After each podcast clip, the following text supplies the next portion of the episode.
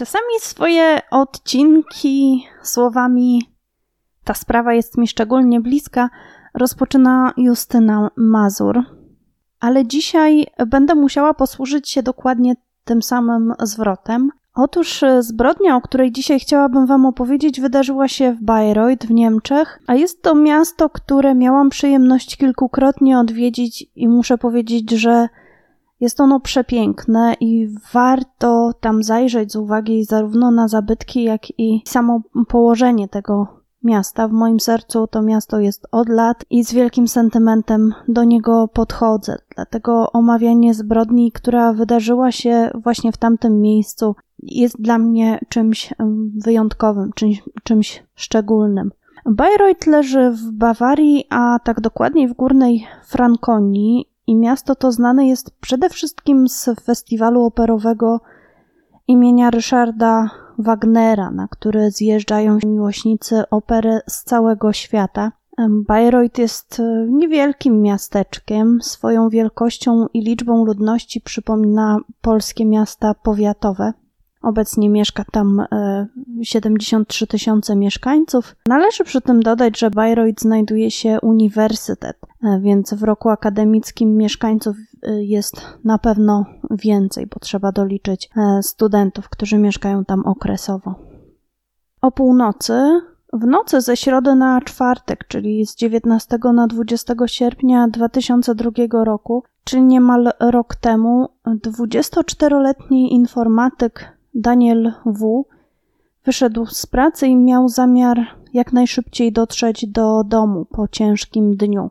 Wsiadł na swój czarno-niebieski rower i ruszył przed siebie. Miał na sobie czarne ubranie, dokładniej czarne spodnie, czarny t-shirt i czarny plecak. Posiadał również kilka odblasków przytwierdzonych do plecaka i roweru, a zatem dla samochodów musiał być widoczny. Na głowie Daniel miał kask, a lampa w jego rowerze działała prawidłowo. Poruszał się on ścieżkami rowerowymi wytyczonymi w mieście i ta trasa miała mu zająć kilkanaście minut. Chłopak jednak nie dotarł do domu, a 15 minut przed pierwszą w nocy, czyli około 45 minut po tym, jak wyszedł z pracy, jego ciało zostało znalezione przez przypadkowych przechodniów. Było to dwoje młodych turystów przechodzących tamtędy i widok zmasakrowanych zwłok Daniela był dla nich tak szokujący i tak bolesny, że musieli oni skorzystać z pomocy specjalistów z zakresu psychologii i psychiatrii. Wezwana na miejsce policja zabezpieczyła miejsce zbrodni. W okolicy znalezienia ciała zabezpieczono również rower ofiary oraz jego plecak – w plecaku znajdował się portfel wraz z pieniędzmi, z dokumentami oraz kartami płatniczymi. Zabójca ich y, nie zabrał, nie ukradł również telefonu komórkowego ani też żadne, żadnych innych cennych przedmiotów należących do Daniela. Sprawca działał z ogromną brutalnością. Y, nie obchodziło go nawet, że miejsce zbrodni dzieli zaledwie kilkaset metrów od najbliższego komisariatu policji. W okolicy znajdował się również Uniwersytet Bayreuth, więc istniało prawdopodobieństwo, że ktoś mimo tej późnej pory mógłby go zobaczyć. Mimo wszystko sprawca zaatakował. W pobliżu miejsca zbrodni znaleziono obuch od młotka i media podają, że narzędziem zbrodni był jednak nóż, ale nie wyklucza się, że sprawca miał również przy sobie młotek, a obuch był częścią tego młotka należącego do sprawcy. Po prostu z jakiegoś powodu e, ten obuch odpadł, sprawca go być może zgubił. E, Daniel akurat e, przejeżdżał ścieżką rowerową koło boiska, gdy został zaatakowany. I jest to dla mnie tym bardziej przerażające, że bywałam niegdyś w tamtej okolicy. Ofiara miała na ciele liczne rany. Zabójca działał z ogromną agresją i złością i mogłoby to wskazywać na emocjonalny motyw e, tej zbrodni. W źródłach brakuje jednak informacji, czy była to standardowa trasa, którą na co dzień poruszał się Daniel, oraz czy była to stała pora jego powrotu z pracy, czy ktoś mógł tam na niego czekać, wiedząc, że on tamtędy będzie przejeżdżał. Zadanie wielu ran oraz e, niezabranie kosztowności może przecież wskazywać na motyw zemsty lub jakiś inny motyw osobisty i może świadczyć o tym, że tamtej nocy ktoś e, czekał na Daniela, ale nie można jednak wykluczyć, że ataku dokonał przypadkowy szaleniec. Koledzy z pracy Daniela opisują go jako spokojnego i sympatycznego chłopaka, który nie miał żadnych problemów z prawem.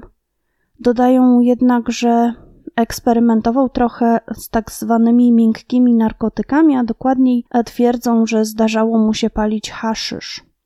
Uważają jednak, że chłopak nie miał żadnych wrogów, którzy mogliby zechcieć go zabić. Mężczyzna pracował w branży komputerowej, niedawno zdał egzamin zawodowy, co otwierało mu drzwi do dalszego rozwoju zawodowego. Rozpoczął też pracę w nowej firmie. Mieszkał sam w wynajmowanym mieszkaniu i wiadomo o nim w zasadzie tylko to, że jego rodzice oprócz niego mieli jeszcze dwie córki. Poza tym nic więcej nie wiadomo o jego życiu prywatnym. Początkowo policjanci nie mieli żadnego tropu, jednak gdy zaczęli przepytywać świadków, okazało się, że na około 7-8 godzin przed zbrodnią, między godziną 16 a 17 poprzedniego dnia, świadkowie widzieli w odległości 4 km od miejsca ataku mężczyznę z młotkiem, który próbował zaatakować przypadkową osobę. Przypominam, to się wydarzyło 8 godzin przed zabójstwem Daniela w odległości 4 km w tym samym mieście. Policjanci przypuszczają, że być może ten sam człowiek może mieć coś wspólnego z zabójstwem Daniela. Świadkowie opisali sytuację, w której e, ten właśnie wspomniany szaleniec gonił innego mężczyznę, wymachując nad jego głową e, młotkiem. Wszystko wskazywało na to, że atak ten był przypadkowy i nie dotyczył na przykład sprzeczki kolegów, tylko był jakimś szalonym atakiem na przypadkową osobę. I czy ten sam człowiek mógł również zaatakować Daniela? A policja nie udziela informacji, czy udało im się dotrzeć zarówno do osoby atakowanej, jak i do tego mężczyzny, który atakował. Myślę, że to wiele mogłoby wyjaśniać, natomiast ta informacja nie jest publiczna. Podobny incydent miał miejsce również na kilka dni przed zabójstwem. Otóż w sobotę 15 sierpnia, na cztery dni przed śmiercią Daniela, pewien świadek zauważył kłótnię między pieszym a rowerzystą. Ten rowerzysta jechał wówczas ścieżką rowerową, po której w przeciwnym kierunku poruszał się nieznajomy pieszo, i w chwili, kiedy ten rowerzysta mijał mężczyznę, został przez niego zaczepiony, a wręcz zaatakowany w sposób agresywny. Na szczęście tutaj obyło się bez jakichś poważnych urazów. Policja bierze zatem pod uwagę, że Daniel mógł paść ofiarą takiego właśnie typu ataku, jednak nie wyklucza się, że za zbrodnią stoi ktoś z bliskiego otoczenia chłopaka a z tego powodu śledczy postanowili sprawdzić środowisko, w którym Daniel się obracał i sprawdzenie rodziny oraz jego znajomych nie pozwoliło jednak odpowiedzieć na pytanie, czy ktoś z otoczenia chłopaka mógłby chcieć go skrzywdzić. Śledczy wystosowali apel do mieszkańców Bayreuth z prośbą o pomoc w zidentyfikowaniu zabójcy. Prosili o wszelkie informacje, zarówno dotyczące Daniela, jak i ich podejrzenia w kwestii ewentualnego sprawcy. Chodziło o to, czy ktoś z ich rodziny, czy też znajomych nie wrócił na przykład tamtej nocy w ubraniu zabrudzonym krwią, lub czy ktoś, e, kogo znają, zachowywał się agresywnie. I w programie, który w swojej formule zbliżony jest do magazynu kryminalnego 997, przedstawiono również tę sprawę, prosząc ludzi o informacje na ten temat. Niestety nie udało mi się dotrzeć do tego odcinka. Po programie z informacjami zgłosiło się ponad 200 osób, jednak do dziś nie schwytano sprawcy. Generalnie w mediach nie ma zbyt wielu szczegółów dotyczących e, na przykład prywatnego życia Daniela, czy był on na przykład z kimś e, związany, jakie życie prowadził poza pracą i niewiele też wiadomo o nim samym. Te informacje są powtarzane we wszystkich artykułach, właściwie możemy znaleźć dokładnie te same informacje. Policjanci bardzo strzegą e, tych informacji, a ponieważ jest to moja pierwsza sprawa niemiecka, jaką omawiam, to nie wiem, czy standardem jest to, że do mediów nie przeciekają informacje dotyczące zbrodni w Niemczech, czy też ta sprawa jest e, w tym, pod tym względem wyjątkowa. W czasie konferencji prasowej zorganizowanej we środę 19 sierpnia 2020 roku, w czasie której policjanci uchylili rąbka tajemnicy, mówiąc o tym, że było to bardzo brutalne morderstwo, nie przekazano zbyt wielu szczegółów dotyczących zbrodni. E, jedyne co stwierdzono to to, że Daniel musiał zostać zaskoczony przez swojego e, zabójcę.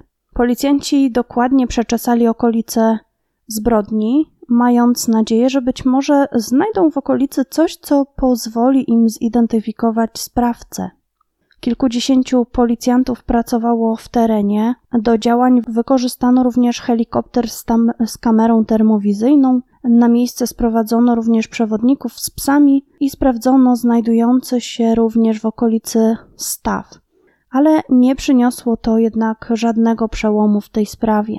Policjanci nie mają żadnego wiodącego tropu w sprawie tego zabójstwa. Postanowili zatem przyjrzeć się obuchowi od młotka, który został znaleziony w pobliżu miejsca zbrodni. E, jego wizerunek opublikowano w mediach.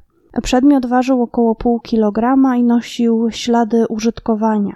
Obuch pokryty jest w kilku miejscach czerwoną farbą, ponadto jest zniszczony i chodzi konkretnie o odłupany jego fragment. Policjanci zakładają, że przedmiot mógł zostać zgubiony przez sprawcę, a z uwagi na panujące wówczas ciemności mężczyzna nie był w stanie go odszukać po zbrodni, zakładając oczywiście, że zabójcą jest mężczyzna. Do śledztwa zaangażowano policyjnego profilera, który stworzył dwa nieco inne od siebie profile. I pierwszy z nich zakłada, że zabójca jest osobą o pewnych zaburzeniach psychicznych. Jest to mężczyzna, który prawdopodobnie marzył o pozbawieniu kogoś życia, a ta zbrodnia była po prostu wcieleniem tego makabrycznego planu w życie. Drugiego profilu z jakiegoś powodu nie zacytowano w artykule, w którym znajdował się ten pierwszy fragment. Konsekwencją tego zabójstwa było zwiększenie policyjnych patroli w rejonie ataku. Patrole odbywają się zarówno przy udziale policjantów umundurowanych, jak i tych w ubraniach cywilnych. W okolicy miejsca zbrodni przy drodze stanął również duży plakat ze zdjęciem Daniela i pytaniem: Kto mnie zabił? Policjanci twierdzą, że chcą w ten sposób wpłynąć na emocje świadków, którzy z jakiegoś powodu milczą. Być może ta akcja przyniesie rezultat i na policję zgłosi się kluczowy świadek, który pomoże rozwiązać tę smutną sprawę młodego chłopaka, który miał całe życie przed sobą. I to już wszystko w tej sprawie. Dziękuję Wam bardzo za wysłuchanie niniejszego odcinka. Trzymajcie się ciepło i uważajcie na siebie. Cześć!